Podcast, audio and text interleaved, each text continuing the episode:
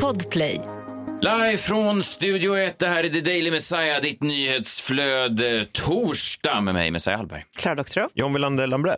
Igår, eh, strax efter lunch, så lämnade han då in sin avskedsansökan, eh, Stefan Löfven, statsminister no more. Det har varit sju fantastiska år och jag är väldigt stolt över att eh, som arbetargrabb från Sunnersta i Ådalen har fått den fantastiska förmånen att få leda vårt land under de här åren och jag har i varje läge, i varje beslut agerat utifrån vad som är bäst för Sverige. Det är ett nytt Sverige, men det är fortfarande samma Daily Messiah.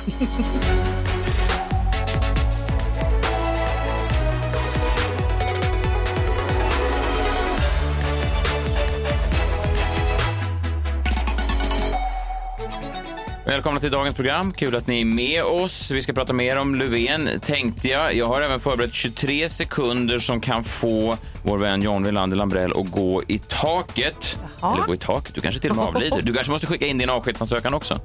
Okej, vad är Okej. det då? Ja. Va- Varför känns det som att det kommer handla om Palme? Ja, vi, ska, vi ska ju prata sen om, eh, vi ska prata om Netflix-serien Den osannolika mördaren eh, som du har gjort någon slags, eh, du kanske, jag gissar nu, jag vet inte vad ens vad du kommer säga. Jag gissar att du tyckte att den serien var bristfällig i eh, analysen av vad som skedde på mordnatten 1986. Jag gissar det.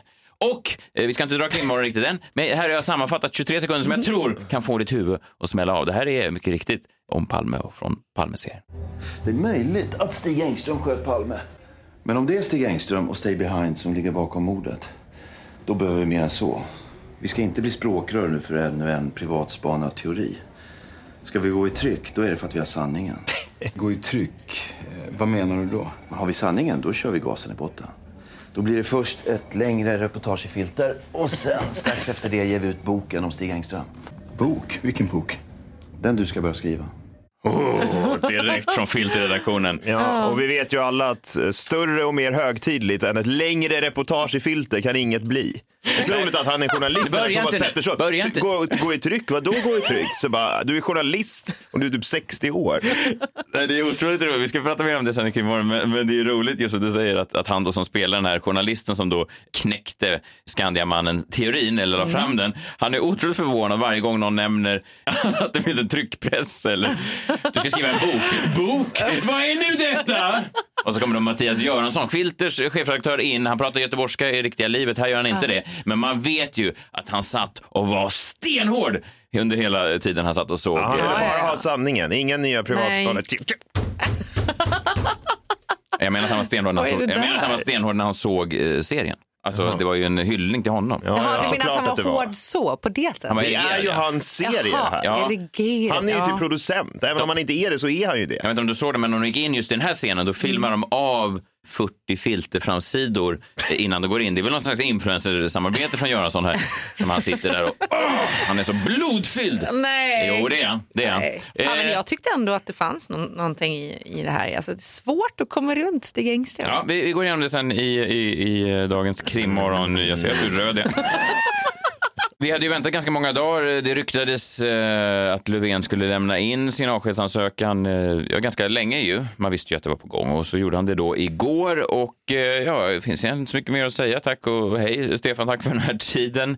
Hans popularitet, eh, otroligt explosiv i början, sen har den ju dalat då såklart. Men eh, jag har en kollega, Ola Söderholm, komiker, en av de bästa i det här landet. Han sammanfattade Löfven för några år sedan på ett sätt som jag tycker gjorde det bättre än någon annan. Här är Ola Söderholms senaste special, finns på Spotify, om eh, Stefan Löfven. Jag tror att det är inspelat kanske 2016, 2017. Jag tycker en intressant inrikespolitisk trend som har varit på senaste tiden är det här att det går ganska bra för den här socialdemokratiska statsministern Stefan Löfven som vi har. Det går ganska bra för honom. I sådana här förtroendemätningar så är han en av de minst hatade partiledarna.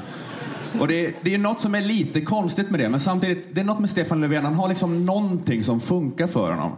Att det är något, att jag så vibbar in på självkänslan man har som svensk. Man känner så att, men fan det här är väl statsministern vi förtjänar. Eller hur? Att, man säger, ja, det här är väl rimligt, antar jag. Men eller hur, ifall du så här blundar och tänker så här, jag är en jävla svensk, vad borde jag ha? Alltså det som frammanas för dig då, det är nästan exakt Stefan Löfven. Ja, men det är något med det där lite, den där lite förvirrade grejen, att det, det ger någon sån känsla av att eh, eh, jag menar att, att Stefan Löfven, han vet inte vad han snackar om, men han låter å andra sidan väldigt oprofessionell när han gör det. Och det är ändå bättre, eller hur? Det är ju det är ju värre med de här som verkar trivas med att stå och säga de där talepunkterna, som är bra på det. Det bara rullar över tungan på dem. Liksom. Vad är det för jävla psykopater? Det är helt... Uff, vad obehagliga människor. Men det är det som är magin med Stefan Löfven. Så här, hur var partiledardebatten? Den var rakt genom fruktansvärd. Så jag tänker rösta på han som såg ut att inte vilja vara där. Ja, det är briljant om eh, Löfven. Sammanfattar Löfvens eh, mål och mening och gärning ganska väl. Är jag den enda i Sverige som älskar Stefan Löfven? Nej, men jag tycker, han, jag tycker det, här var, det var väl exakt så man känner för honom. Det är väl Ja. ungefär det vi Han är så förtjänar. lagom. Ja, han är Ja, exakt lagom. Verkligen. Ja, verkligen. Jag har en kompis som är moderat och han säger, han har ju då... Du har en kompis. ja, det är, det är Messiah. Eh, och han hävdar då att, han är lite politiskt insatt och han hävdar att Löfven bara under sju år har suttit på den här kopiatorn och tryckt upp sådana bilder på sin rumpa i- på regeringskansliet. Alltså det är det han har gjort hela dagen, för han vill liksom inte göra någonting. Och det kan man ju förstå. Svår rumpa också. Och när man då knappt hade hämtat sig från att Stefan Löfven har avgått så står det även då klart att Lukas har sagt upp sig som Alice Stenlöfs assistent. Det rapporterar Nyheter 24, eh, Breaking News här, kom Men, igår. Du skämtar? Nej, det är Att breaking. vadå, är det en flash? Ja, jag fick en flash här. Lukas, alltså det är en bild på Lukas, tror jag. Jag vet inte, vet inte hur han ser ut, men han har solglasögon på sig. Så han ser, ja, han, ingen mer då med Alice Stenlöf, som då är Bianca Ingrossos Jaha. gamla poddkompis. Vad ska Där han göra man. nu då? Ja, vad ska han göra nu? Det är roligt att man har, man har mer frågor till Lukas än till Stefan Löfven. Stefan Löfven bara, hej, hej, tack för din tid. Lukas, Vi får dem- gräva vidare i. Ja, Vi får de verkligen. influencerassistenter vi förtjänar. Ja, så är det. Om jag blundar och tänker vilken influencerassistent skulle det vara, då är det nästan exakt Lukas som jag ser framför mig. Imorgon, eh, glada nyheter, jag har precis bokat vår första gäst. Det tog tre veckor innan vi fick någon som ville komma hit. Men eh, imorgon är hon här, Sveriges hetaste Ja. komiker. Johanna Nordström. Vet du, men det jag, är, jag är så inspirerad av henne för hon är alltid så fin i håret. Mm. Så jag har nu innan hon kom beställt ett sånt här lyshår. Jag har alltid varit i- principiellt emot lyshår. Men nu har jag också beställt lyshår. Ja, jag förstår. Ja, okej. Spännande. Ja. Det ska bli spännande att se vad du gör när vi får in Mark Levengood nästa vecka. Men det blir en annan, en annan Rak historia. apparat. Ja, det var det som var skämtet. Det, är bra. John. det är bra att du förklarar Ja, ja. även för våra lyssnare Jag, i Dalarna. jag tänker bara på Palme. Ja, ska vi dra igång den nu då? Krimmorgon. Okej, idag då så tittar vi närmare på Netflix-serien som hade premiär förra veckan, Den osannolika mördaren, där de då, ja de köper ju då teorin att Skandiamannen Stig Engström låg bakom mordet på Palme.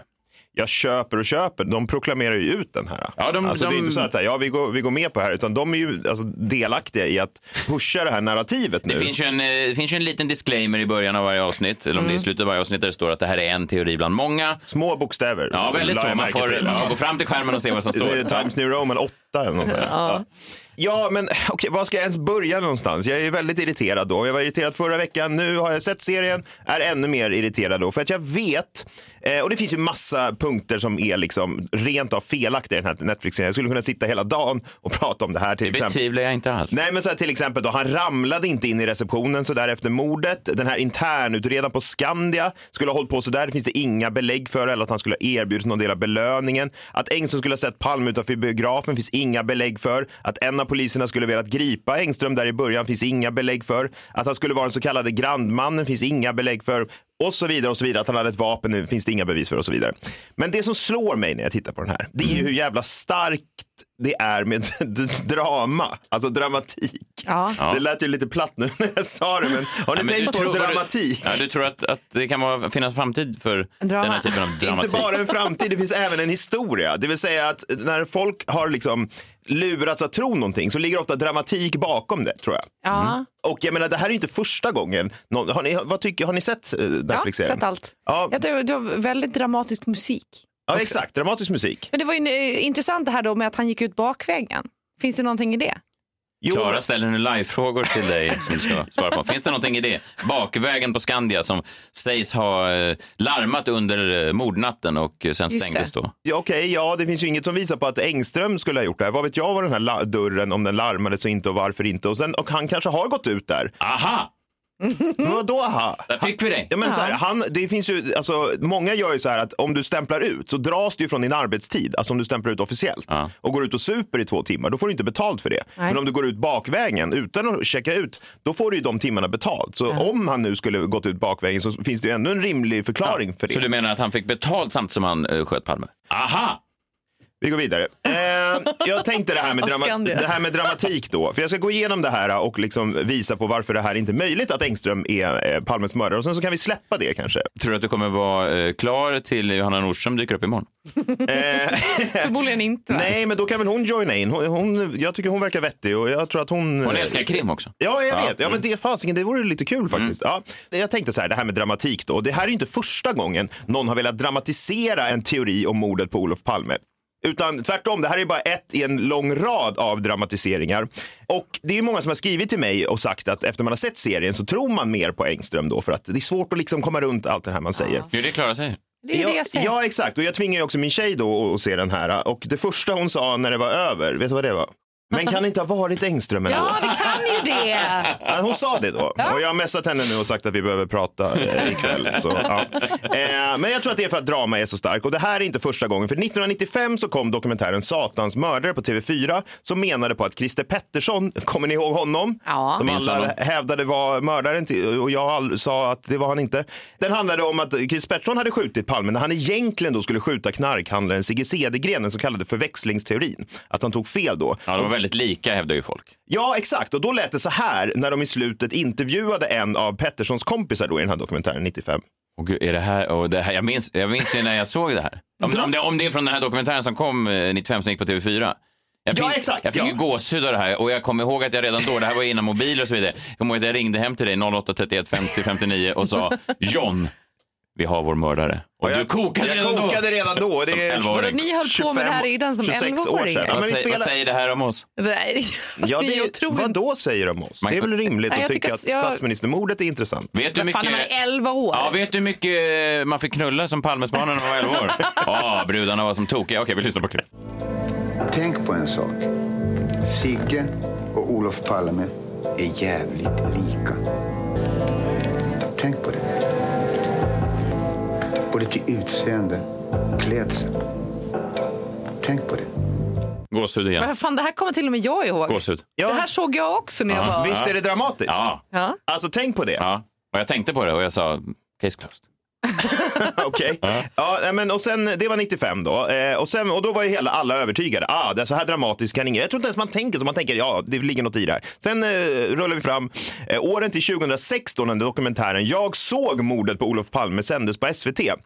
För då hade dokumentärfilmaren fått tag på en man som heter Roger Ö som befunnit sig i stan under mordkvällen. Han var eh, känd missbrukare och sådär och kände Christer Pettersson. Han var inte asiat, eh, efternamnet till trots. Roger Ö?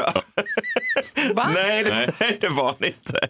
Det finns ju många asiater som har ganska korta, Ja, snärtiga det. efternamn. Han hette Roger Östlund. Jag Ja, vet inte varför jag kallar honom Roger Ö. Jag tror han Nej, kallades nej. Roger Ö. Jag ska Ja. bara förtydliga om man inte har sett honom så är det alltså inte en, en man med ursprung från eh, Nej. Sydostasien. Bra. Nej, och han, den här dokumentären drev ju då teserna också att Pettersson skjutit Palme. Och eh, återigen, så här började den dokumentären. Dramatiskt tror jag.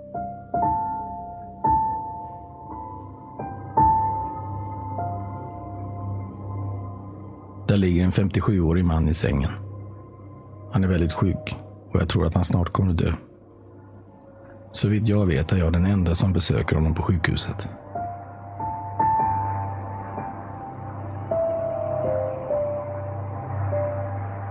En sen kväll för 20 år sedan befinner han sig på biografen Grand i Stockholm. Vad som händer där har han burit som en hemlighet. Tills nu.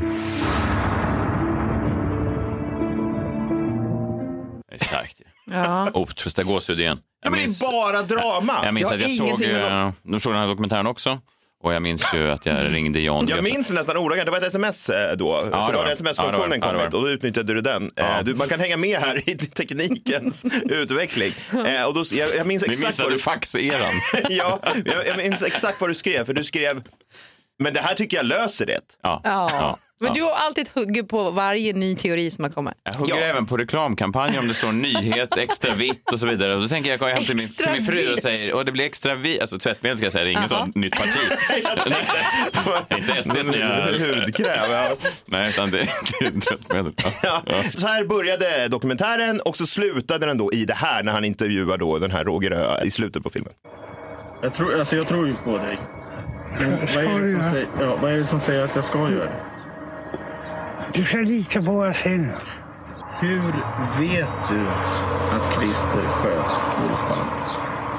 Du måste ge mig ett bra svar på det, Roger. Ja, okej. Jag såg det.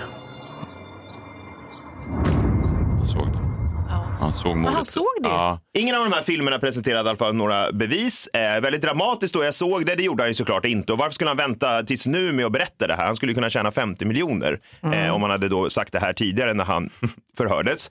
Och jag menar, GV såg ju också de här och det var bara jag och han som liksom reagerade på det här och ville säga ifrån. GV sa ju så här då till exempel. ja, det, det, det, ja, det, ja, Han låter tveksam. Ja, är tveksam och jag var länge tveksam. Men åter till den här Netflix-serien då. Och det här är ju allas absolut största problem som ska göra dramatik om det här. Och det är liksom något som Filter aldrig svarat på, något som den här journalisten Thomas Pettersson aldrig svarat på, något som chefåklagaren aldrig har svarat på. Det vill säga, hur skulle det här mordet ha gått till om Engström sköt Palme? Thomas Pettersson har ju då en lite olika teorier, inget som går att leda i bevis. Och det är inte så konstigt eftersom ingen människa vid sitt sinnes fulla bruk skulle tycka att det låter sannolikt att en vanlig reklamare skulle råka springa på statsministern, råka ha ett vapen på sig och råka bestämma sig där och då för att skjuta ihjäl honom. Inte ens åklagaren, inte ens Thomas Pettersson som skrivit boken tror det. Och inte ens Netflix och då produktionsbolag som har gjort den här serien tror ju det heller. Nej. Utan de har ju en annan teori här. Den enda teori som liksom på något sätt då i deras huvuden går ihop.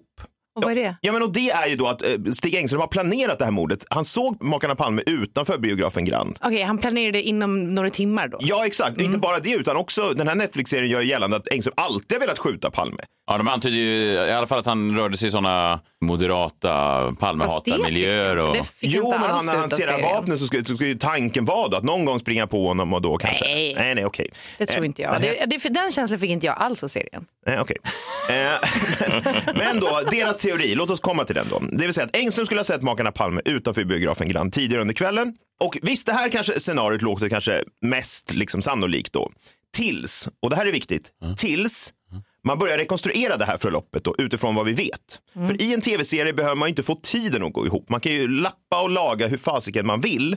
Men i verkligheten så måste man få tiden att gå ihop. Och jag lever i verkligheten. Gör du- inte ni det? Jo, men det ska gudarna veta att du, att du gör. Du, ofta när jag undrar eh, hur verklighetens folk har det så ringer jag dig och, och, och frågar. du, han är den sista du ska ringa. Jag lever i verkligheten. Jag vet inte vad ni lever i för verklighet. Och jag Jag är vad den Netflix... enda som gör det av oss tre. Okej. Det är för att du då och då tar pendeltåget till Huddinge utanför Stockholm. Och då går du även runt och berättar för de andra på vagnen att du gör ett besök i verkligheten. Så jag vet inte hur mycket... Någon sorts Det där har safari. bara hänt en gång. Okej. Får jag röra ditt hår? Frågar du en gubbe en gång. Men jag vet vad ni tänker nu. Alltså, ska John hålla på och tjata om det här nu igen? Och istället för att jag gör det och tjatar vidare om det här så tänkte jag ge en uppmaning till våra lyssnare. För jag vet att de är smarta. Just det. Om man känner att Engström kanske trots allt är skyldig när man har sett den här serien. Om man vill veta om det som Netflix-serien faktiskt hävdar skulle kunna ha hänt i verkligheten. Gör då den här rekonstruktionen.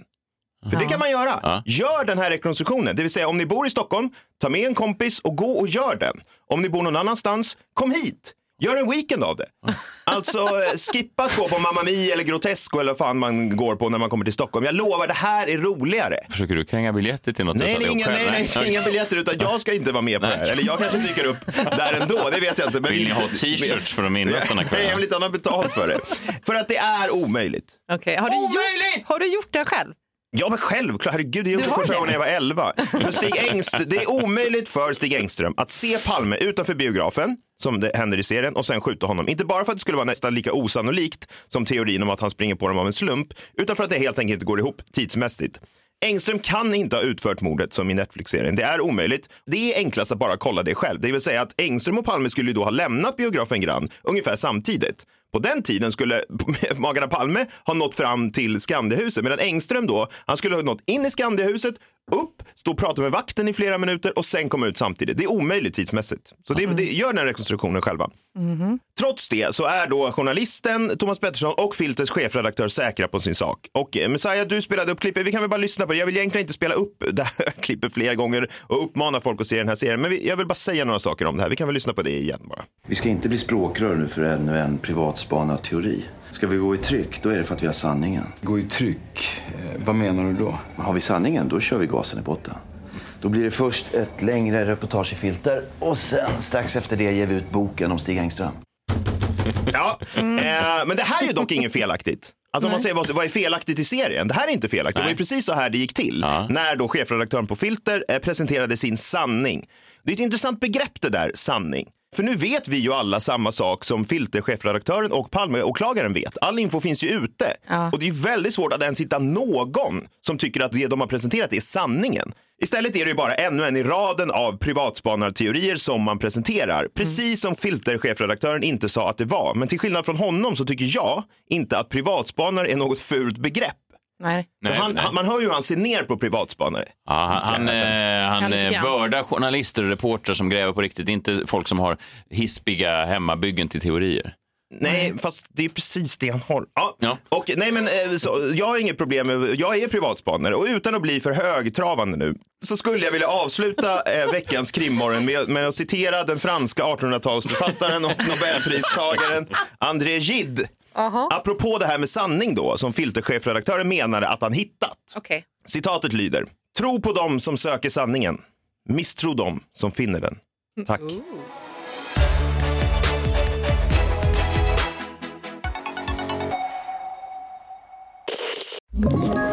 Ett poddtips från Podplay. I podden Något Kaiko garanterar östgötarna Brutti och jag, Davva, dig en stor dos skratt. Där följer jag pladask för köttätandet igen. Man är lite som en jävla vampyr. Man har fått lite blodsmak och då måste man ha mer. Udda spaningar, fängslande anekdoter och en och annan arg rant. Jag måste ha mitt kaffe på morgonen för annars är jag ingen trevlig människa. Då är du ingen trevlig människa, punkt. Något Kaiko, hör du på Podplay. Därför är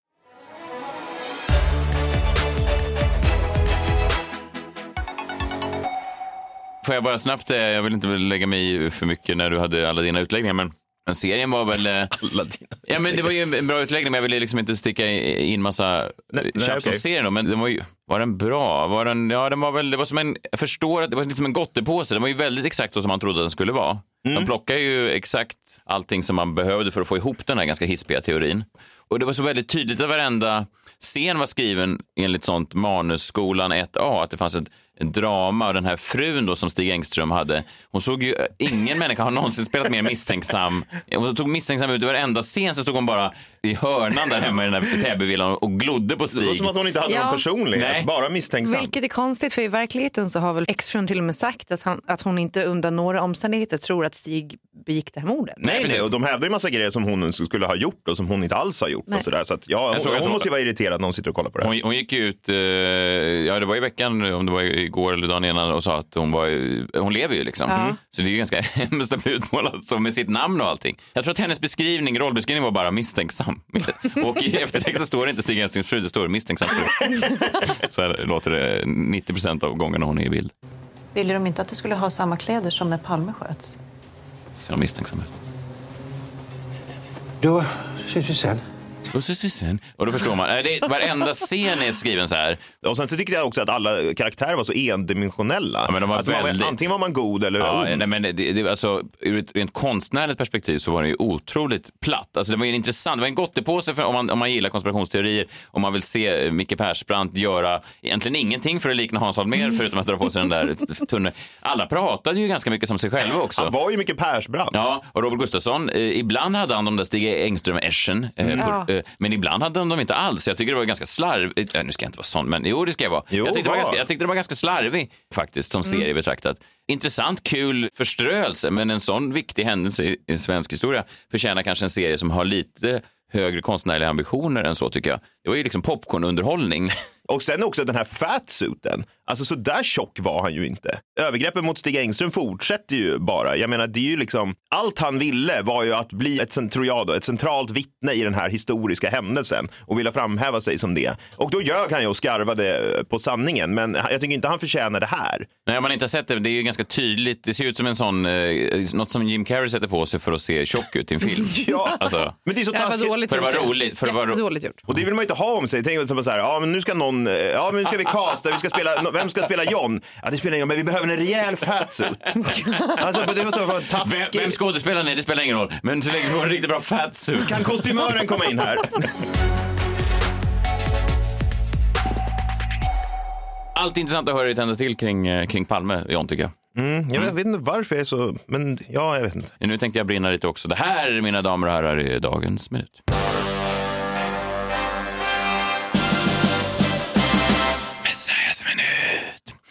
Jag tänkte prata om Magdalena Andersson, om sossarna, om Stefan Löfven, om pandemin och om människan i stort. Ganska stort anslag. Det är väldigt ja. stort Ja, anslag. på, på en minut, på 60 Ja. sekunder. Ja. Ja, minut. har din minut någonsin varit en minut? ja, det är alltid. Jag tror ditt rekord är 15 minuter faktiskt. Jag tänkte även prata om en tjej i min journalistklass. Jag jag utbildade mig till journalist för 15 år sedan och, och då fanns det en, en tjej där som en gång när hon skulle skriva sitt namn stavade fel på sitt efternamn. Just det. Eh, Jag vet inte hur det gick till, men det säger någonting om hennes personlighet. Vadå, hon gick journalistutbildning Ja, och är- kunde inte stava till sitt efternamn. Nej, och någon sa, här har du visst eh, skrivit fel. Och det enda jag minns är att hon tittade på sin namnteckning och sa, inte igen. Ja. Ja. Hon var bildjournalist ska jag tillägga, så det kanske Ja. underlättar. Då behöver man ju Ja, bara, ja, nej, ja. då ska vi... Kunde hon, må, kunde hon måla sitt namn då? Kunde ta en bild om någon annan hade skrivit. Ja, och sen visa. Hieroglyf. Nej, men hon, var, hon var supertrevlig, men hon hade en grej att hon eh, varje gång eh, första januari eh, skrev på sin Facebook, förra året var skit, men i år är mitt år. Okej. 2006 blev mitt år. 2007 blev mitt år. 2008 blev mitt år. Och det sorgliga då eh, var ju att det blev aldrig hennes år. Nej. Men hon gjorde det som väldigt många gör eh, då vid årsskiften, att man tänker nu jävlar är det min tur. Livet har varit på ett sätt fram tills nu, men nu har ju jag ju fått chansen till nystart. Nu har jag ju fått chansen till omstart. Från och med nu så är jag en helt annan person och jag kommer att göra andra val och så vidare. Det är ju ganska många som känner igen sig i det, såklart. Och så här var det ju även eh, efter pandemin. Ni kommer ihåg när restriktionerna, de släppte ju 29 september. Och, och när det blev klart då att eh, restriktionerna skulle släppa, artisterna i Sverige blev ju, blev ju superglada. Ja. Och det var lite som ett nyår, fast det var då september. Det var att man tänkte från och med nu kommer mitt liv ta en helt annan vändning. Gladast av alla var ju, inte helt oväntat, eh, Carola. Så här lät hon när hon nåddes av beskedet. Ja men vilken... Yes! Vilken seger! Jag är tvungen att stanna bilen här. Åh, oh, yes! Nu kan vi... Yes! Nu kan vi liksom planera för julen. Yes! We did it! Hurra! Woo! Ja, och det är jättefint att få vara glad. Och Carola såklart kommer casha in jättemycket på sina eh, julkonserter och sådär. Och det ifrågasätter jag inte att det kanske är lite mer pengar på kontot för många artister. Men det är många, tror jag, satt och drömde om. För jag, har ju, jag är ju Facebook-vän med många sådana här artister. Så kanske lite mindre artister, folk som driver egna dockteatrar och så vidare. Och så säger de att nu, efter pandemin, äntligen kan mitt liv börja igen. Och då drömmer man ju om någonting stort. Man drömmer ju om att publiken ska komma tillbaka och kanske att det till och med ska komma mer publik än vad det gjorde innan pandemin. Alltså att det är ett årsskifte. Från och med nu är jag en annan person. Restriktionerna är borta. Här kommer mitt nya liv. Och man vill ju bara säga, kompis, det var ingen som kom på din dockteater även innan pandemin. Alltså, en pandemi innebär ju inte att ditt liv plötsligt tar en helt ny vändning. Du kommer ju fortfarande vara eh, alkoholiserad eller missunnsam eller otrogen eller vad det nu är. Alltså, dina personliga svagheter är ju de samma. Även om det så att säga skiftar någonting i samhället. Man läste ju så mycket artiklar innan restriktionerna skulle släppa om vad som skulle hända. Alltså att det var ju så många, alltså ganska smarta intellektuella personer som skrev på kultursidan och sa att nu kommer det bli en stor sexfest, det kommer födas massa bebisar, folk kommer vara ute och, och hälsa på varandra. Svenskarna kommer förändra sitt beteende, vi kommer se varandra i ögonen, vi kommer skratta, vi kommer le, vi kommer bli Ja. som sydeuropeerna och krama varandra och så vidare. Och det har ju inte hänt riktigt. Nej, nej. Visst John, du får gå på nattklubbar igen och visst, jag får köra stand-up igen. Men våra svagheter är ju fortfarande de samma och Klara Doktor och du får ju visserligen också gå ut och supa igen. Men jag är ju gravid. Ja, exakt. Så ingenting har hänt. Så, men, okej, sammanfattningsvis. Ingenting förändrades efter restriktionerna. Ingenting, precis som det inte förändrades någonting för min gamla journalistkompis. Och det här slår mig då när jag ser glada sossar strosa längs Stockholms gator. Har ni sett sossarna där utanför? När man ser dem nu, de går med svung i steget, de eh, vevar på sina armar och de går som att de vädrar vårluft. Alltså nu när Löfven är borta så Ja. kommer Magdalena Andersson ta över och eh, hennes första tal var ju sådär väldigt mycket att eh, nu ska vi vända på varenda sten och röka ut gängen och vi ska ta Sverige först i ledet i kampen om globala klimatkrisen och vi ska, vi ska göra allt det här. Just. Ekonomiska bidrag, ja visst, men då måste det finnas motprestation. Allt det här då som Löfven har stått för ska då bli total förändring på över en dag när Magdalena väl tillträder. Det man slås av i alla rapporter är att nu blir det ett annat Socialdemokraterna. Alltså Mm. den här hundraåriga kolossen, den här järnstoden ska då förändras i grunden bara för att det står en annan människa där framme. Och det är ju lite naivt att tänka, precis som det var naivt av min journalistkompis att tänka att ja, nu har det skiftat en, ett blad i kalendern, Mm. nu kommer alla mina svagheter att försvinna. Men eftersom vi precis har upplevt det här restriktionssläppet, precis har upplevt en nystart för hela samhället och precis har stått där med samma drömmar som alla sossar nu gör, Mm. så förstår man ju, man vet redan nu, jag kan avslöja att det händer ingenting. Ingenting Redan, kommer förändras. Oj, jag vet aha. det. Fast jag tror ändå. Ja, men det är ju det man gör. Man tror och det är väl fint att man tror för det hör ju mänskligheten till att man tror och man hoppas. Men livet är ju så sällan förbundet till de där stora vändpunkterna, de här svarta svanarna som de kallas. Utan livet, för de allra flesta av oss, är ju inte bundna till en direkt vändpunkt, utan det lunkar på, det pågår, medan världen sker där utanför. Det finns såklart speciella tillfällen, säg att du var med om 9-11 och du var med om att din pappa var med på planet som kraschade. Ja, såklart att det är då en specifik händelse. Men för de flesta av oss var ju 9-11 någonting som hände medan jag var på Eriksdalsbadet. Alltså jag, det här är för mig personligen. nej, jag badade. Ja. jag badade på 9-11. Du hatar ju att bada. Ja, jag vet. Det var det är enda gången jag varit på Eriksdalsbadet. Därför minns jag det. Simhall. Ja, och det här, Va? det här påminner mig alltid om Kafka som då eh, den 2 augusti 1914 skrev i sin dagbok. Och det här tycker jag sammanfattar det hela. Han skrev det här då direkt från hans dagbok. Germany has declared war on Russia. Punkt. Went swimming in the afternoon. Du är Kafka, ja. Nej, jag menar inte dra några paralleller mellan mig och Kafka. Ja, det jag men, jag men, ja, det gör jag i och för sig. Medvetet eller omedvetet. Jag menar bara att det finns något intressant att världskrig kommer och går, men i bakgrunden så pågår våra egna liv. Vi är fortfarande småaktiga, lönnfeta, otrogna. Inte alla av oss samtidigt, men ni förstår, man har våra svagheter.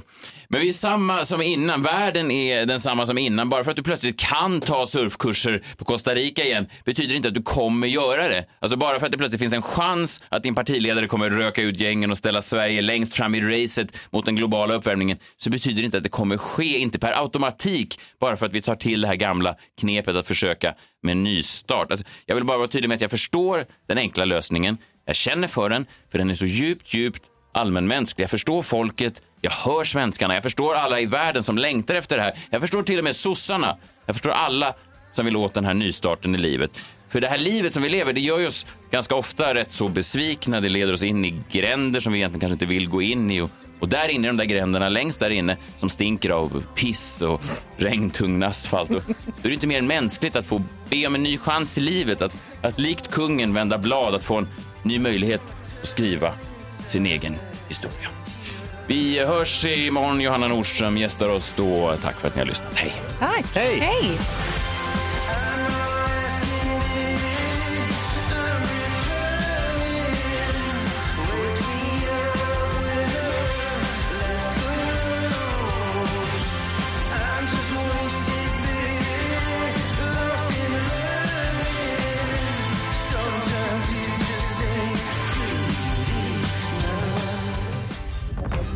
Podplay, en del av Power Media. Ett poddtips från Podplay. I fallen jag aldrig glömmer djupdyker Hasse Aro i arbetet bakom några av Sveriges mest uppseendeväckande brottsutredningar. Går vi in med hemlig telefonavlyssning och, och då upplever vi att vi får en total förändring av hans beteende. Vad är det som händer nu? Vem är det som läcker? Och så säger han att jag är kriminell, jag har varit kriminell i hela mitt liv men att mörda ett barn, där går min gräns. Nya säsongen av Fallen jag aldrig glömmer på Podplay.